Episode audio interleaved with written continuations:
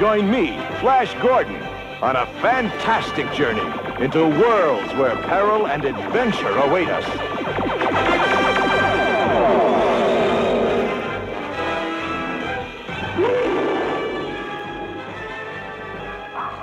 Du lytter til den nye rumalder på Radio 4 med mig, Thomas Schumann. Og da jeg til dagens udsendelse i dag skulle lave et sammenklip fra tidligere udsendelser af den nye rumalder, så tænkte jeg på det her spørgsmål, som virkelig driver en meget, meget stor del af rumforskningen. Et spørgsmål, nemlig det spørgsmål, som mange af os måske også har stillet os selv. Er vi alene i universet? Det har nemlig været en stor overraskelse for forskere, hvor mange steder der efterhånden kunne være et sted, hvor liv kan være opstået ud over her på vores egen blå klode. Vi behøver bare at kigge på vores naboplaneter Mars og Venus. Sidste år der lavede jeg et interview med John Leif Jørgensen, der er afdelingsleder på DTU Space, om det instrument, som DTU Space har sendt med til med NASA's Perseverance-robot til Mars, og som netop skal lede efter fossiler på den røde planet. Instrumentet det hedder Pixel, og lige nu der er NASA altså gået i gang med at bruge det til at undersøge Mars' klipper for fossiler.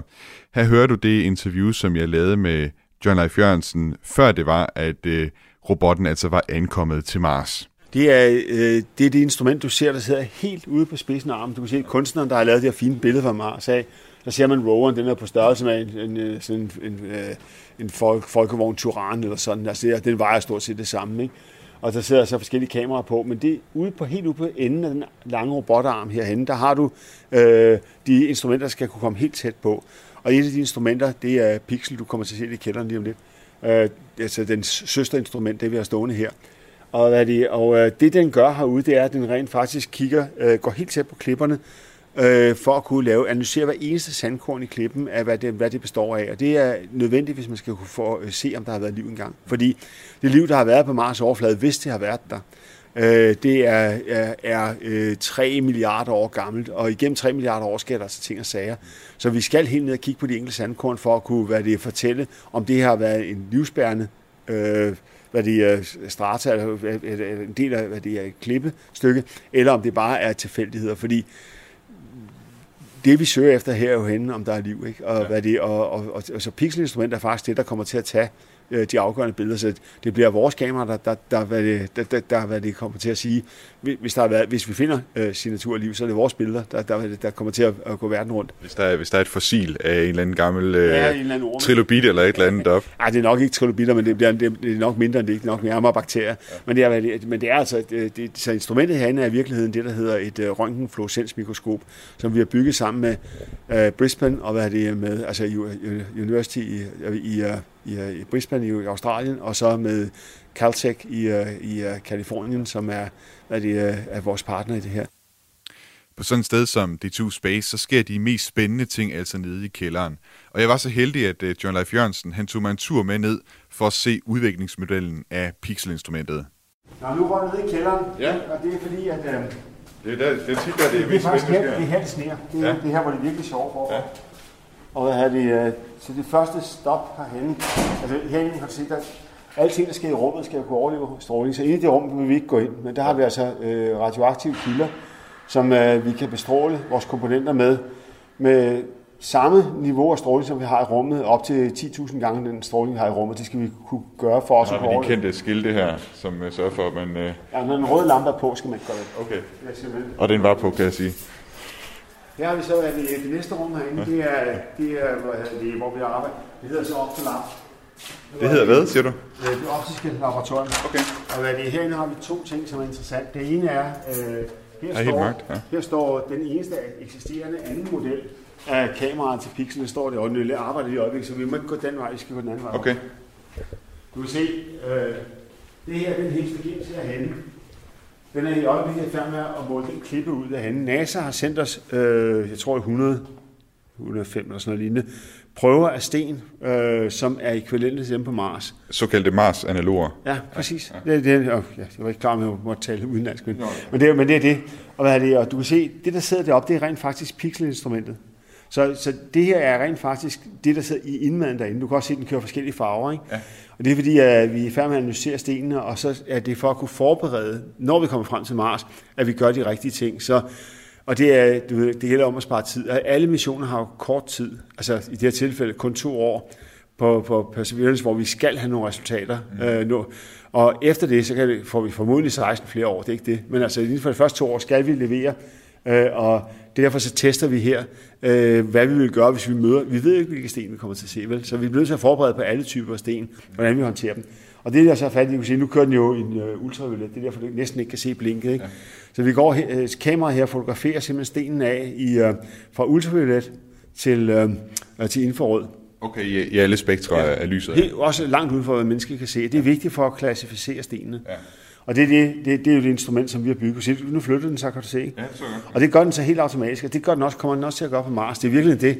Det er også derfor, at NASA har givet det kamera, det lille kamera, du kan se, det er det, der sidder der. Jeg kan ikke stikke hånden derind, men du kan også se en lille kast op med de her sølvfarvede ledninger ud. Ja. Det, er, det, det er rent faktisk det kamera, som, som øh, er hjertet i, i missionen derhen. NASA siger, at det er det mest intelligente kamera, de nogensinde har sendt til Mars. Og det er, fordi den er fuldstændig autonom. Altså, da vi designede systemet, var der ikke noget, der hed kunstig intelligens, men det er i virkeligheden, hvad det er. Det er noget af et skulderklap. Ja, det synes jeg, at, altså alene det, at vi kommer med på deres største mission og får den bedste teaterplads. Altså, der er, der er ikke nogen bedre pladser. Det er, altså, vi får ikke bedre plads, øh, end det, den, vi har fået på, på, øh, på, på Perseverance. Så, så for mig ser det, at det, det, er, det er en stor ære at være med. Altså, udover det, at de jo princippet for os 20 milliarder kroner øh, øh, forskningsudstyr til Danmark, og det er heller ikke dårligt. Altså, det er faktisk en, en god gave. Altså, så vi er meget, meget glade for at samarbejde med NASA, og de er meget, meget glade for at samarbejde med os. De er jo øh, roser os til skyerne.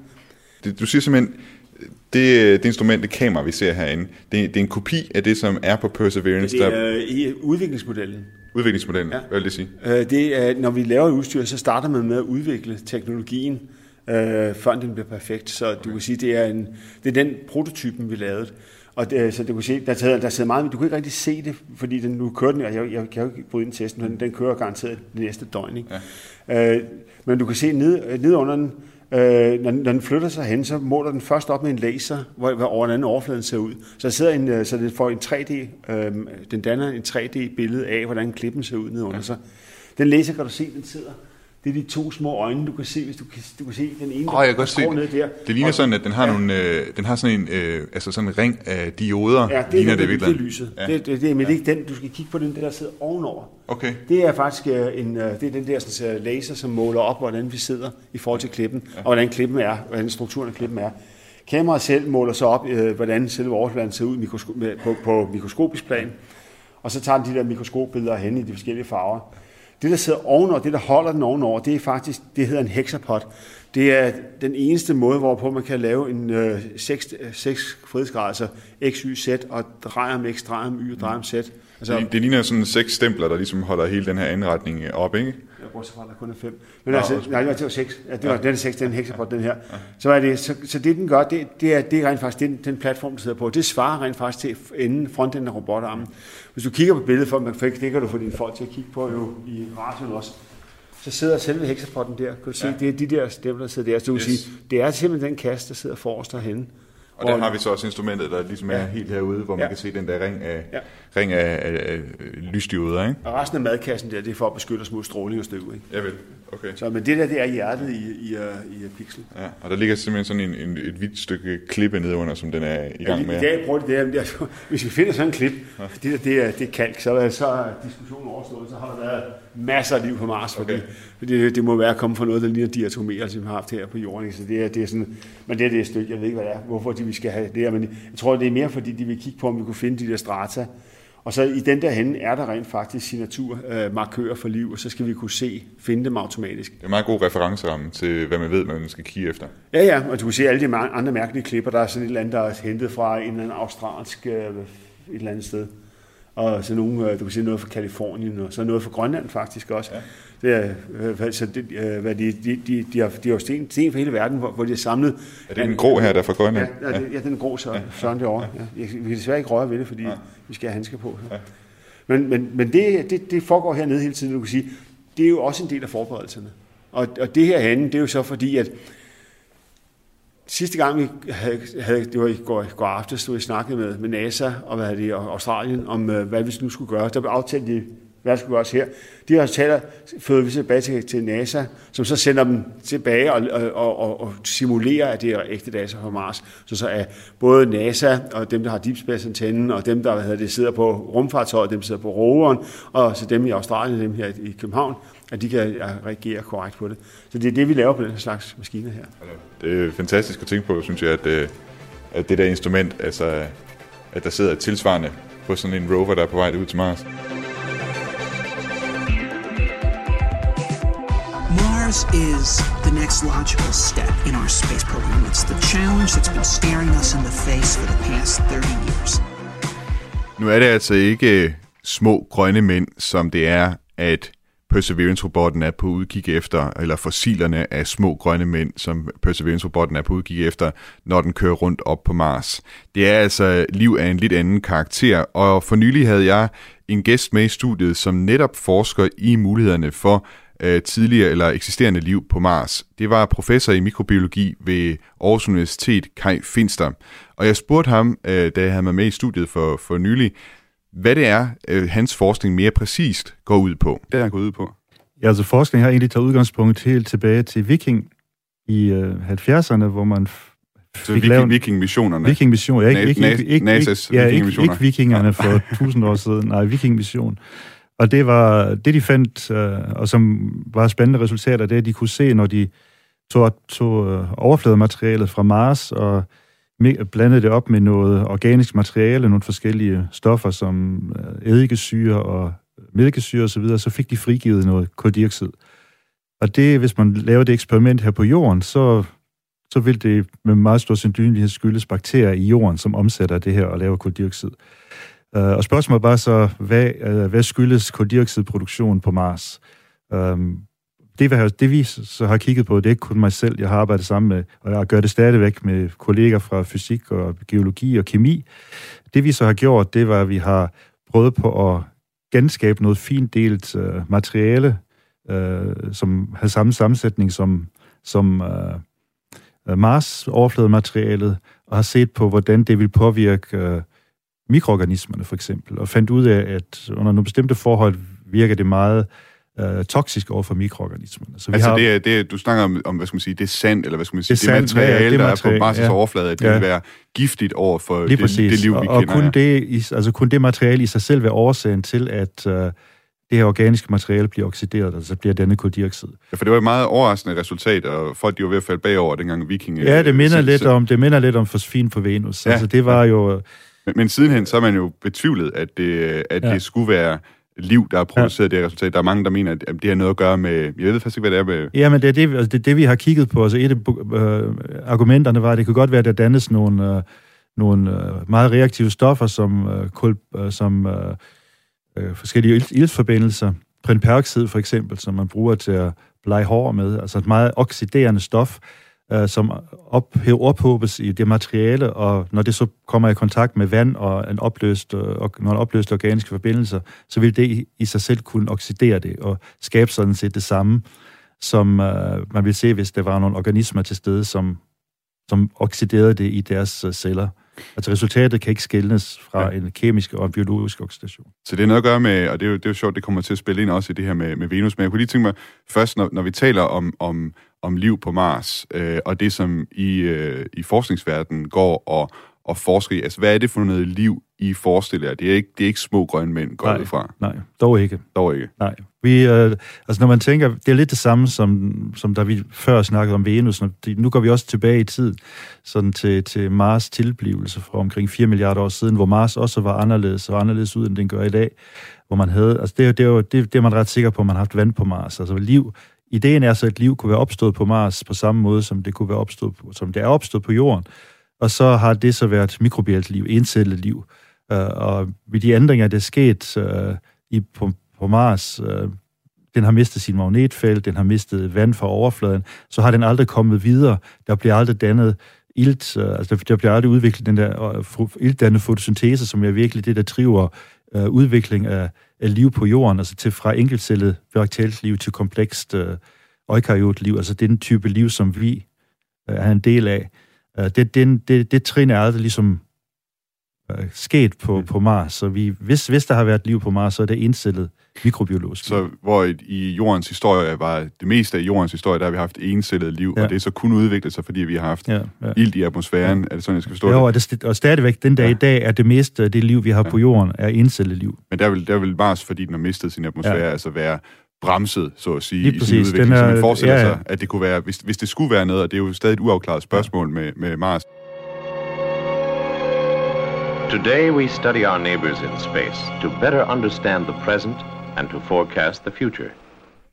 Nu var det faktisk slet ikke øh, Mars, jeg havde inviteret Kai Finster med ind i studiet for at tale om, og mulighederne for liv på den røde planet. Det var faktisk en anden planet, som var temaet for den udsendelse. Det var nemlig mulighederne for liv, liv på vores søsterplanet Venus.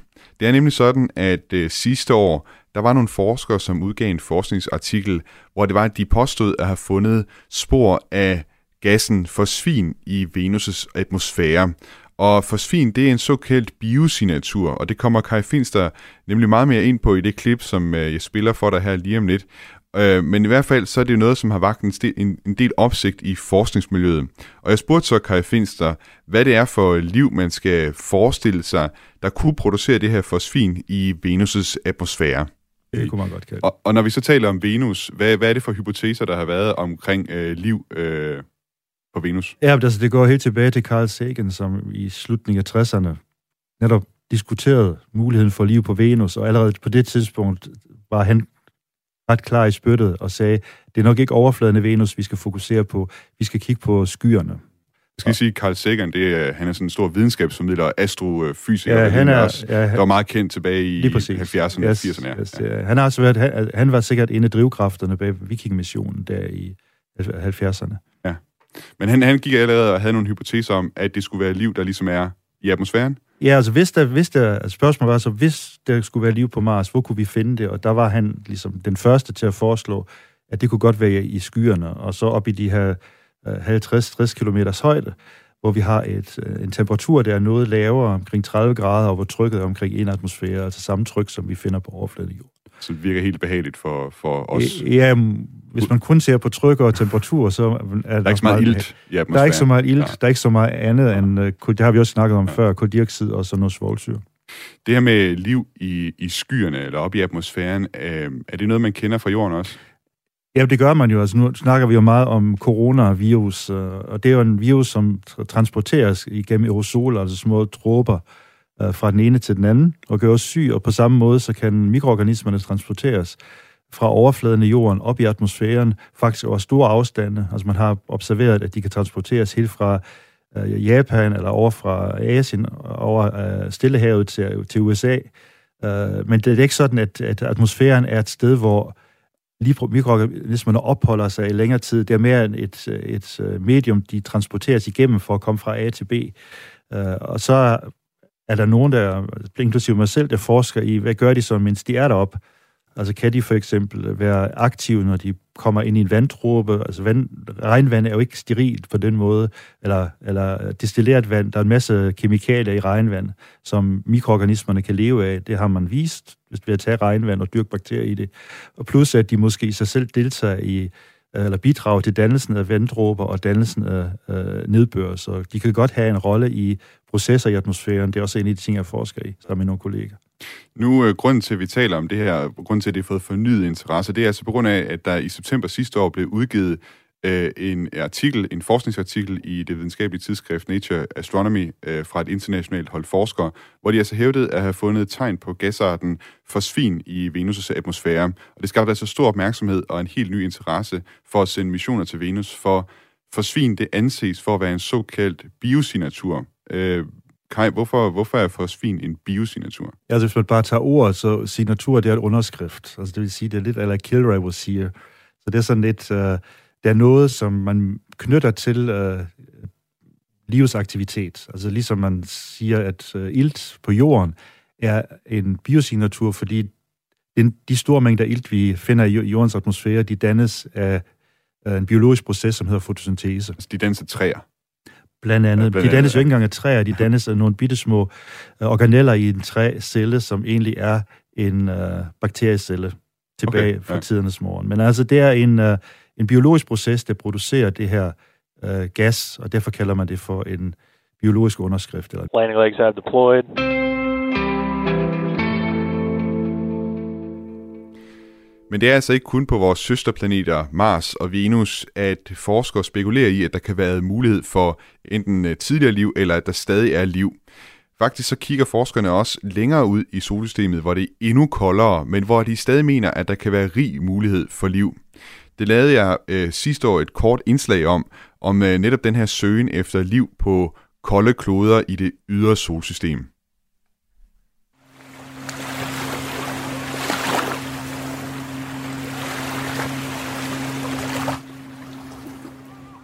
Her på jorden er det let at tage vand for givet. 70 procent af vores klode er dækket af vand, og med jævne mellemrum, så falder det simpelthen ned fra himlen i form af regn. Og sådan en dag som i dag, hvor jeg går på stranden ved Tankroen, så kan jeg da mærke det som fugt i luften på den her varme sommerdag.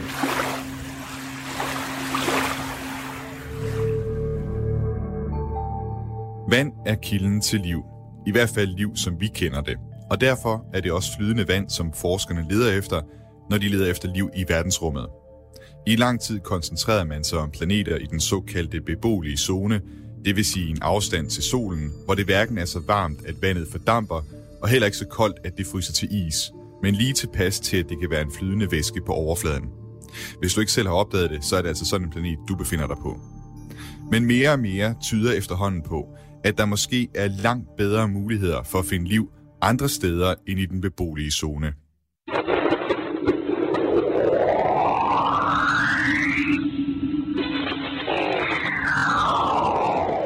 Det her er lyden af magnetfeltet omkring Saturns måne Enceladus. Eller det er sådan set målingerne fra NASA's rumsonde Cassini, som er blevet forvandlet til lyd. Cassini-sonden den undersøgte imidlertid meget mere end blot magnetfeltet omkring Enceladus. Kort efter at rumsonden ankom til Saturn, der viste billederne af den snehvide måne, at der er gejser, som sprøjter vand ud i det tomme verdensrum. The existence of molecular hydrogen, at least within the Earth's ocean system, is a like a food source. It's candy for microbes. They eat the hydrogen. Som en af NASA's forskere fortæller her, så fandt Cassini altså spor af molekylært brint, da rumsonden fløj igennem gejsernes stråler, og vi ved fra jorden, at molekylært brint er føde for mikrober. Det kunne altså se ud som om, at der under skorpen af is er gode betingelser for liv på Enceladus. Og Enceladus er langt fra den eneste. Planetforskerne de finder stadig flere og flere tegn på, at der under den kilometer tykke is på Jupiters måne Europa også skulle gemme sig oceaner af flydende vand, og at der ligesom på Enceladus skulle være gejser, som spyrer vand ud i verdensrummet. And so the liquid water ocean on Europa is about 100 kilometers deep by our best estimates. And if you do the math, it turns out that Europa's ocean contains roughly two to three times the volume of all the liquid water in the oceans, seas, and lakes on Earth.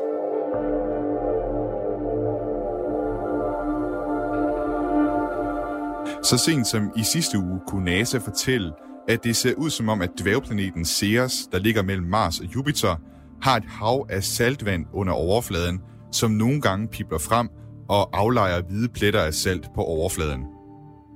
Og det kunne se ud som om, at der er endnu flere kloder derude, som gemmer på et hav under overfladen. Noget tyder på, at Saturns måne Titan også kan gemme et ocean under sin orange skorpe, og så er der tegn på, at kloder som Pluto og de andre dværgplaneter på solsystemets iskolde overdrev kan have flydende vand under overfladen.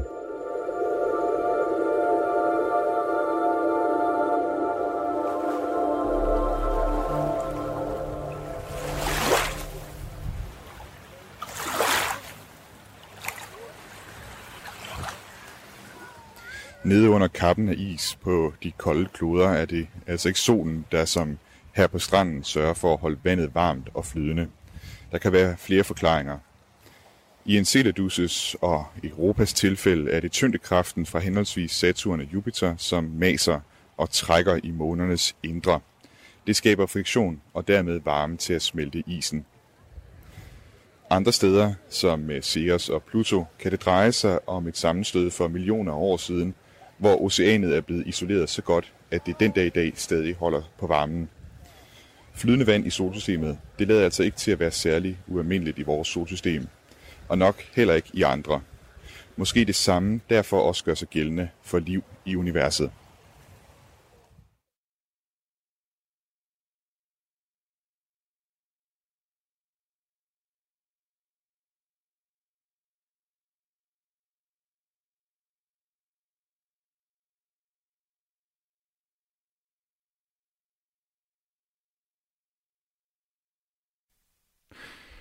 Du lytter til den nye rumalder på Radio 4 med mig, Thomas Schumann, og i dag der sender vi et sammenklip af tidligere udsendelser af den nye rumalder, alt sammen med overskriften Jagten på liv i universet.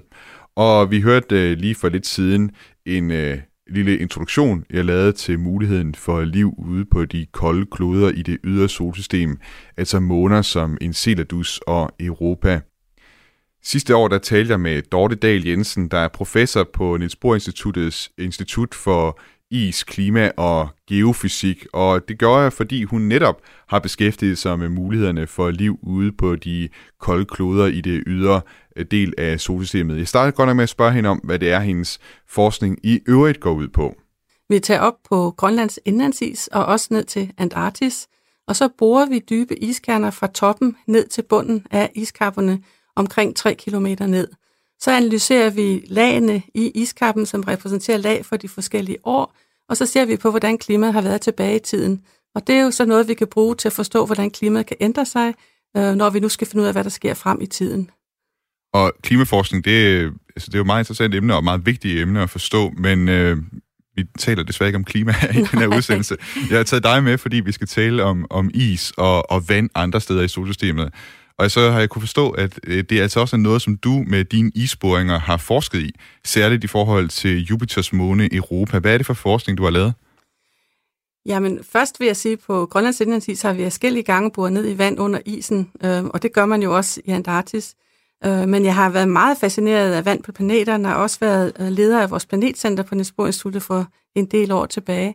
Det er særligt øh, Jupiters måne Europa, jeg har kigget på, for det er jo meget, meget fascinerende, at man har den her skal af is, og så et, et hav nedenunder, øh, hvor isskallen på Europa jo ligger frit, så den faktisk kan, kan rotere på det her hav, som, som dækker den hele vejen rundt på planeten. Altså isen, isen den, den bevæger sig simpelthen uafhængigt af, af Europas kerne, eller hvad? Så ja. oven, oven, på, øh, oven på oceanet? Det mener man, den gør. Man, kan, man kan se, at, at det her meget kraftige tidevandsfelt, der trækker i iskallen, øh, får iskallen til at revne, så man har de her lange linementer på overfladen, og man kan simpelthen se på, på de retninger, linementerne har, at øh, skallen må have roteret for de krigskrosser, som de gør hen over overfladen. Det er jo sådan, når man kigger på Europas øh, overflade, altså den, den, er, den er meget karakteristisk, den her overflade. Den har de her røde striber, ligesom der kører frem og tilbage. Man kan nærmest se, hvordan, altså, hvordan den er, at isen den, øh, den flækker nogle steder, eller hvad skal man sige, den brækker. Jamen det er rigtigt, og man kan jo se, at øh, nogle af de her store landeveje, at de bliver så brugt af andre landeveje. Så den måde, så ligger der en meget kompleks historie, hvis man ser på, på hvad for nogen, der kom først, og hvad for nogen, der kom, kom næst. Øh, men udover at man har de lange linementer, så har man jo også områder, kaosområderne på Europas overflade, hvor man direkte har ting, som ligner isbjerg, som er ligesom er, er brækket op og flyder på, på vand, og ligesom har roteret sådan et puslespil, man kan lægge med de her forskellige øh, blokke, øh, isbjergen, der flyder rundt. Og de her oceaner, altså nu var jeg selv inde på det i det klip, jeg lige spillede. Altså, det, det er jo primært øh, altså det her med, med liv, som er gør, at man er så optaget af at undersøge de her oceaner. Altså, regner man simpelthen inden for, for hvad skal man sige, blandt forskere, at det er en, en, en meget reel sandsynlighed, at der kan være liv øh, i sådan et ocean der på Europa? Jamen, det, der er der en, en stærk mulighed for det, både øh, på, på Europa og de andre måner og asteroider, og også under øh, vandet under iskapperne på jorden. Fordi faktisk er vores erfaring her på jorden, at alle de steder, vi kigger på liv, der finder vi faktisk liv. Øhm, så, så, så det tror jeg, betingelsen er jo, at der, der er vand til stede, øhm, og så er betingelsen jo også at på en eller anden måde, at, at man kan føde det liv, som er under overfladen, så der skal tilføres nogle næringsstoffer, øh, hvis overfladen har været isoleret i rigtig længe. Nu, øh, det er jo lidt svært. Altså, det, det er jo noget, der tager lang tid, det der med at få stablet en mission på benene, der skal ud og undersøge sådan en klode som eksempelvis Europa eller Enceladus for den sags skyld, og det tager lidt lang tid for dem at, at tage derud. Og så er det nogle enkelte missioner, man får derud, altså nogle robotter, som, som man ikke sådan kan sidde og have fingrene ned i på samme måde, som hvis nu der var mennesker derude. Men så er det jo heldigt, at vi her på jorden har nogle miljøer, som hvad skal man sige, på en eller anden måde er nogle analoger eller minder om det. Og øh, det er jo nogle af de isboringer, som du har været med til at lave på blandt andet Grønland, og som der også blev lavet øh, i Antarktis, eller den forskning, man laver. Øh, kan du ikke prøve at beskrive nogle af de, de miljøer, der findes her på jorden, som minder om øh, de miljøer, vi, vi taler om der med, med for eksempel Europa?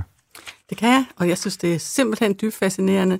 Den øh, mest kendte, det er jo den, den største sø under isen i Antarktis, der hedder Lake Vostok. Det er den største af omkring 400 søer, man har fundet under isen på Antarktis. Øh, og søen ligger under 3.500 til 4.000 meter af is, og er op til øh, 430 meter dyb. Øh, man mener, at søen har været isoleret i hvert fald for 15 millioner år, men vandet i søen øh, er kun omkring 1 million år gammel, fordi på den ene side af søen, der smelter isen, den ovenliggende is, og giver vand til søen, men i den anden ende af søen, der genfryser vandet på iskappen og flyder så videre ud af, af søen igen. På den måde så fornyer man, man vandet i søen. Øh, russerne har en boring ned gennem søen, Øh, først gennem den almindelige gletsjeris, og så gennem genfrossen øh, havvand eller søvand, øh, og så er de faktisk i 2013 og 2015 penetreret øh, søen og, og trukket vand op fra søen til, til undersøgelser. Så man har altså vand fra, fra 13, som er ret forurenet med borvæske, og ifølge russerne renere vand fra, fra 15, og så har man jo også den naturlige genfrossede søvand, som jo faktisk også er meget rent, fordi der har jo ikke været nogen kontakt med overfladen på det tidspunkt, hvor det er genfrosset. Hvad, sag, hvad, hvad sagde du? Noget af det, det var forurenet af borvæske? Ja, fordi borehullet er fyldt med en borvæske, og det problemet er, hvordan borer man ned i søen uden at, at forurene det med den borvæske, man har i, i den søjle, man borer den med. Ja, og, og det, er, altså, det er vel, hvis man har sådan et, du, du siger, det miljø, det har været, hvad skal man sige, afskåret fra resten af verden i, øh, i, i lang tid. Altså, så kan godt være, der bliver tilføjet nyt vand undervejs, men altså, hvis der var nogle økosystemer dernede, så er det vel noget, som altså, kunne lide overlast, hvis der man ikke er påpasselig med de her boringer, eller hvordan skal man forstå det? Jamen, det er fuldstændig rigtigt, og øh, den Antarctic Treaty, altså der er jo sådan nogle regler omkring øh, adfærd i Antarktis, de har jo meget frarådet, man borer ned i søerne, hvis man ikke kan gøre det sterilt, ligesom man i en født også gør i rummet, gerne sterilt, ikke? Øh, ja. Så vil man, vil man øh, altså påvirke og forurene øh, det, det vand, der er nede i søen. Og det er jo også sådan, at, at der med jævne mellemrum fra, fra det materiale, der er fra Lake Vostok, kommer rapporter om, man har fundet liv, og man har fundet, endda fundet tegn fra en torsk og, og alt muligt andet. men, men der kommer altid øh, kritik af resultaterne og tvivl om, om det er, er overflade DNA, der ligesom har, har, har, har, har man har målt i stedet for det, der faktisk er nede i søen. For det er meget DNA-målinger, øh, man laver. Men det er vel også sådan et hensyn, man skulle tage, hvis man altså, en gang i, ude i fremtiden skulle bore ned under isen på, på Europa øh, og se, om der, der lever noget andet, så skal det vel også være ultrasteril, for at man ikke øh, hvad skal man sige, kommer til at tage nogle mikrober eller et eller andet med fra jorden, som så ligger og hygger sig nede i det der ocean. Jamen, det er der, og faktisk den, øh, den mission, som, som NASA har sat i gang i Europa Clipper, øh, som skal fra jorden et eller andet tidspunkt i 20'erne, øh, de har jo også en lille sonde med, som skal, skal lande på Europa, Øhm, og der vil de jo også prøve at bore øh, ned gennem isen. Jeg ved ikke, om det lykkes for dem at, at bore ned gennem isen til havet, men det lykkes dem formentlig at få en prøve af isen, og det i sig selv er jo helt, helt fantastisk. Og øh, nu nævnte du selv, at, øh, at det var sådan lidt, øh, der var lidt diskussion om, hvad skal man sige, hvorvidt man ved, om der er liv under den der, i de der havmiljøer, eller, eller sømiljøer under isen, vi kender her fra jorden. Hvad, hvad ved vi egentlig overhovedet om, om de der aflukkede miljøer, altså om, om der er liv dernede?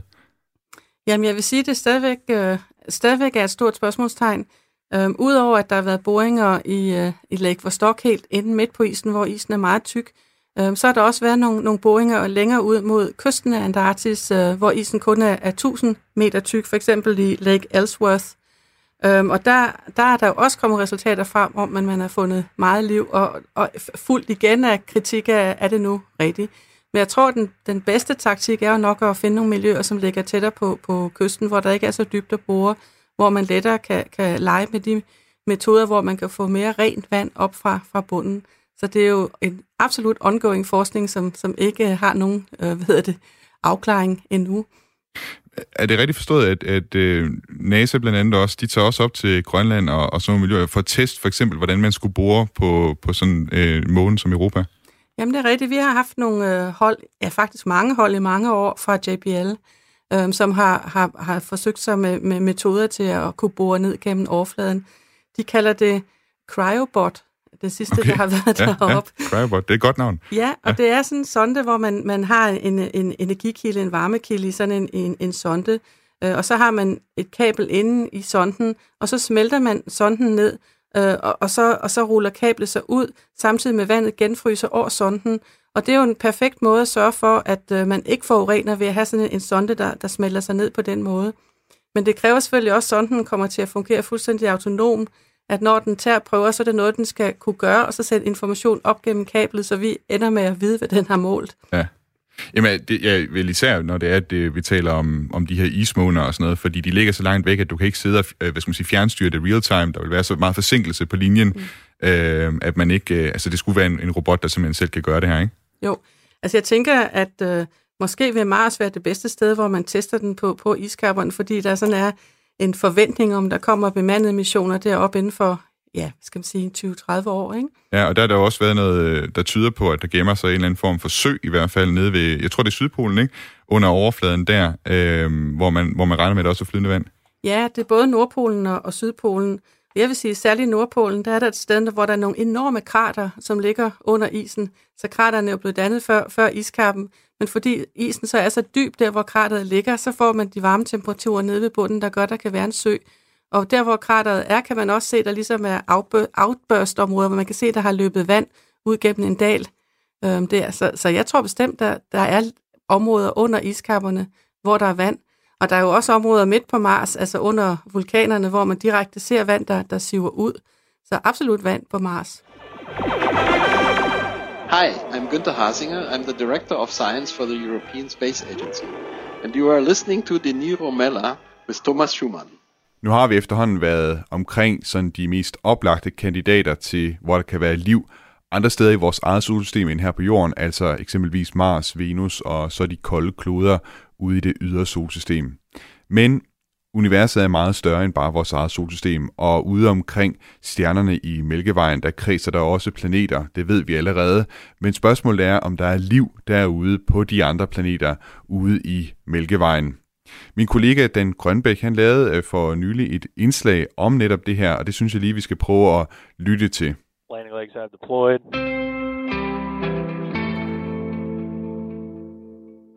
Og nu skal vi så kigge rigtig langt ud i øh, verdensrummet, fordi vi skal tale om eksoplaneter. Altså det er planeter, som kredser omkring andre stjerner end solen, og planeter, som egentlig ikke er et nyt fænomen. Faktisk så blev den øh, første exoplanet opdaget tilbage i 1995, og siden har man opdaget mere end 4.000 af slagsen. Men ud af de mange tusinde exoplaneter her, der er der faktisk kun en håndfuld, som minder om vores jorden. Og en af dem er den øh, nyopdagede Gliese 486b, som den øh, jo meget mundret hedder. Gliese 486b kredser rundt om stjernen Gliese 486.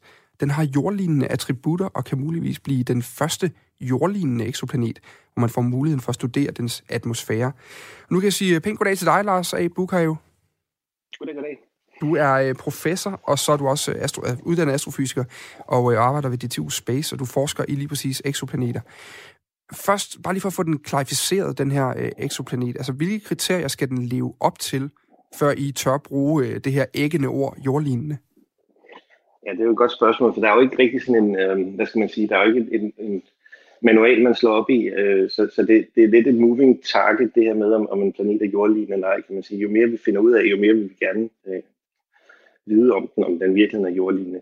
Jeg tror, i det her tilfælde er det simpelthen bare den størrelse og, og masse, der, der bliver talt om. Altså størrelsen på den her planet er 1,3 gange jordens radius, og massen er 2,8 gange jordens masse. Så den er i den her kategori af, vi kalder superjorder, altså planeter, som er lidt større end, end, end jorden.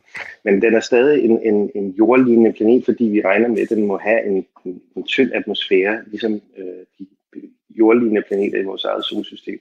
Og i modsætning til øh, Jupiter og Neptun-lignende planeter, som er sådan nogle gasgiganter, der ikke har nogen fast overflade, der bare er gas hele vejen ned igennem, og derved øh, vil vi ikke kunne forestille os, at der findes liv på sådan nogle planeter.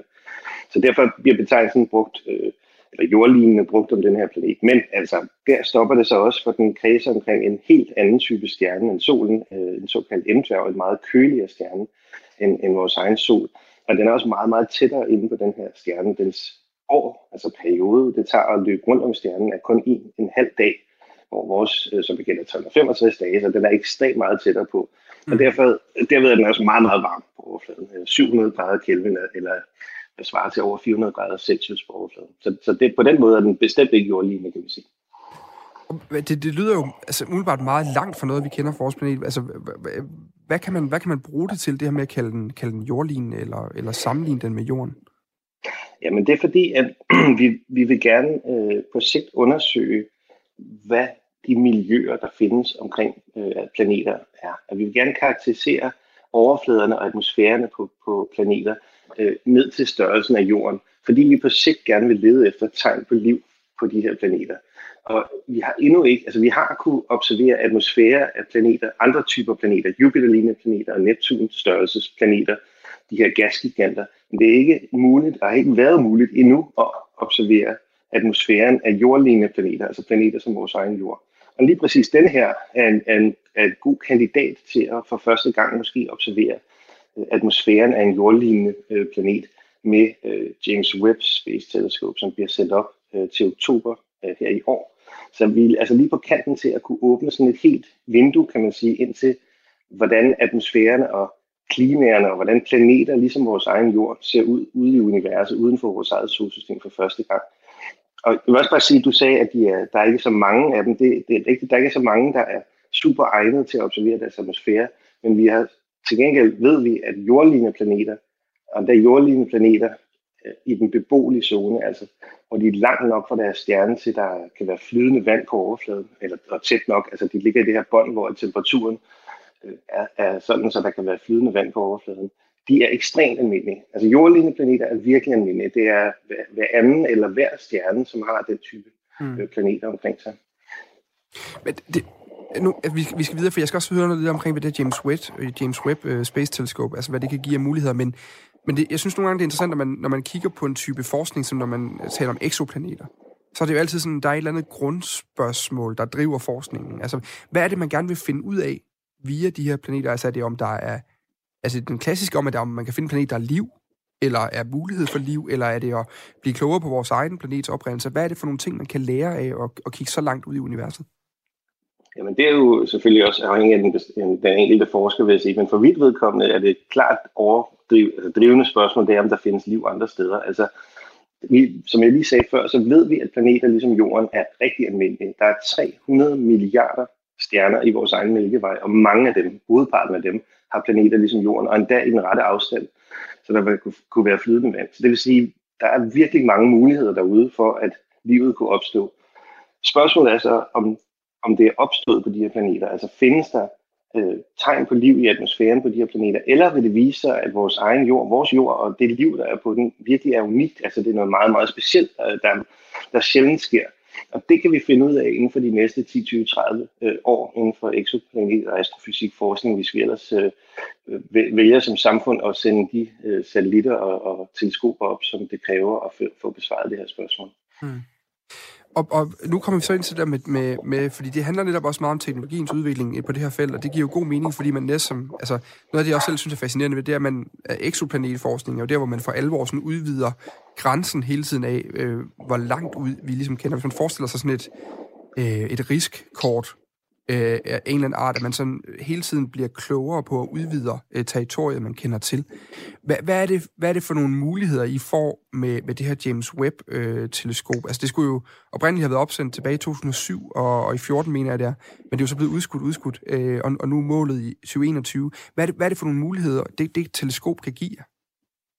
Ja, vi har, det, det er sjovt, fordi det, det der James Webb har, der er sådan en joke om, at det, det det teleskop, der bliver op næste år, hvert år. Mm. Så det har virkelig været meget forsinket, og det er også øh, blevet enormt meget dyrere. Så vi glæder os selvfølgelig til, at det forhåbentlig kommer op her til oktober. Det ser sådan ud nu.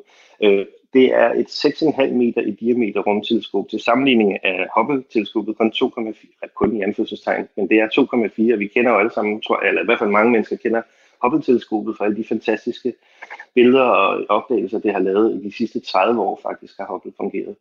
Så det, der er virkelig, det er virkelig på bedring at få et nyt teleskop. Og James Webb vil kunne kigge, som jeg sagde før, første gang vil vi sandsynligvis kunne se atmosfæren på jordlignende planeter. Altså prøve at åbne et vindue ind til, hvad de her små planeters miljøer og klimaer er for nogen.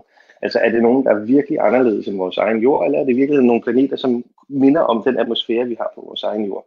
Så det er det, vi gerne vil med, med James Webb, og, og det er det, der kommer til at ske øh, aller, øh, som nogle af de første observationer. Der er en masse af de her jordlignende planeter på det såkaldte Guaranteed Observing Time-program, det vil sige, de mennesker, der har været med til at lave teleskopet, får lov til at spendere noget tid, og de, de har valgt øh, en del af de her jordlignende planeter at, at pege teleskopet mod. Vi taler meget om de jordlignende planeter nu. Det er jo sådan noget, der er fedt for os journalister, fordi det er godt i en overskrift, og det passer ind i at forklare alle dem, der ikke øh, nødvendigvis interesserer sig for rumforskning, at det her det er noget, der minder om vores eget, og derfor er det per definition lidt mere interessant. Men, men alle de planeter, man så finder, nu sagde jeg jo før, at der er over 4.000 øh, eksoplaneter, man har fundet indtil videre, som ikke er jordlignende, er de så bare irrelevante at kigge på? Nej, det er vi overhovedet ikke, selvfølgelig ikke. Øh, det er jo enormt interessant at vide, hvad, for, hvad der foregår, og hvordan de planeter er sammensat, og hvad for nogle planetsystemer, der er derude i det hele taget. Det viser sig at vores solsystem, øh, jeg vil sige, det er hverken almindeligt eller unikt, øh, men der er bare ekstremt mange andre typer solsystemer derude.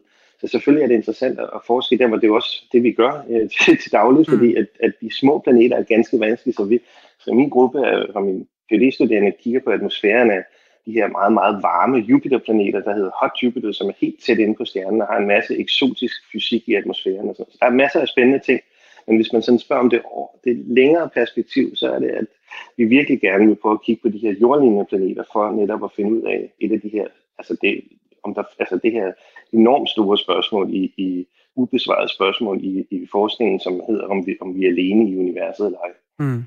Hvad, hvad, er det for nogle, øh, hvad er det for nogle markører, eller nogle signaturer, eller nogle kendetegn, du kigger efter, når du, når du kigger efter liv på sådan en eksoplanet igennem de her kæmpe teleskoper?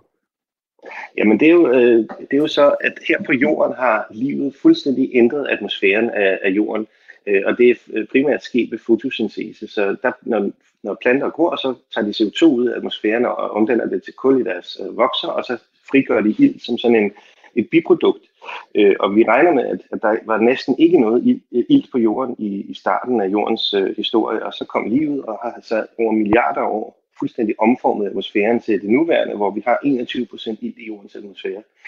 Og ild vil, uden liv på jorden vil det forsvinde øh, geologisk set utrolig hurtigt ud af atmosfæren. Så ilt er altså et tegn på, at der findes liv her på jorden, og, og det vil hurtigt forsvinde, hvis livet også forsvandt. Så derfor kalder vi det en biosignatur, eller en biomarkør. Mm. Hvis vi så kan finde en anden planet, ligesom på størrelse med jorden, som også har en atmosfære, som minder om vores egen, altså som er langt ude af kemisk ligevægt med ilt, så vil vi kunne sige, at der er et eller andet, der ikke er geologi, eller et eller andet, der ikke er en, der er ingen abiotisk proces, der kan skabe så meget ilt på jorden. Altså en, der er ikke en ikke-biologisk proces, som kan danne 21% ilt i jordens atmosfære. Så det, det er kun liv. Og det er derfor, hvis vi kan finde sådan et tegn i en atmosfære på en anden planet, jamen, så kan vi sige, jamen her er der med høj sandsynlighed noget, som har ændret atmosfæren, og som er liv.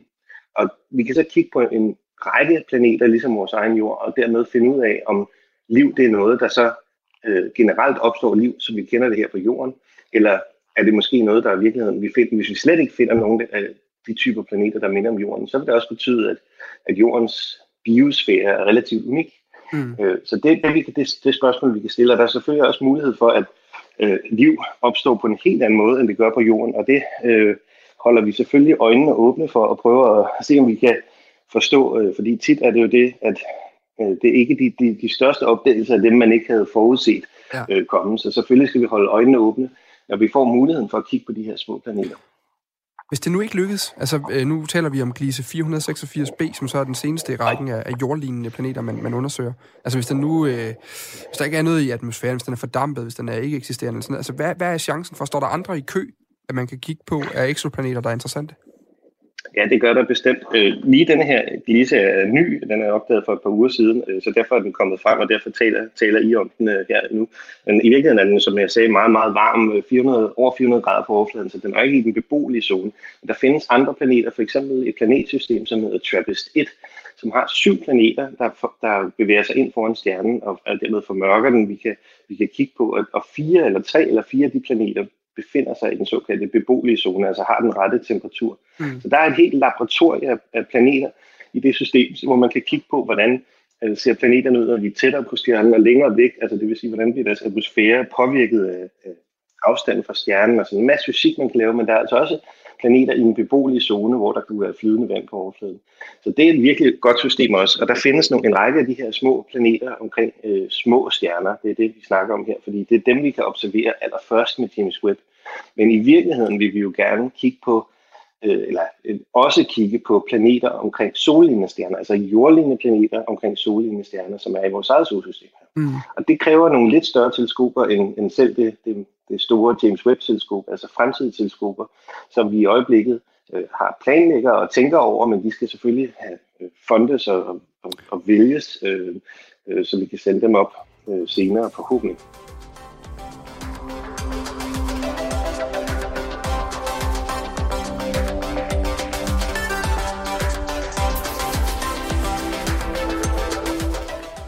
Du har lyttet til et sammenklip af den nye rumalder med mig, Thomas Schumann, her på Radio 4. Du kan som altid lytte med til den nye rumalder hver torsdag fra 10 til 11. Og hvis du skulle have lyst til at gå tilbage i vores øh, katalog eller vores bibliotek af udsendelser, så kan du gøre det inde på Radio 4's hjemmeside, på Apples podcast player eller på Spotify. Har du ris, ros, kommentar eller forslag til programmer, vi en dag skal kaste os over her på den nye rumalder, så send det gerne ind til mig på den nye rumalder radio4.dk. Indtil vi høres ved igen, så vil jeg ønske dig en god uge. Ad Astra.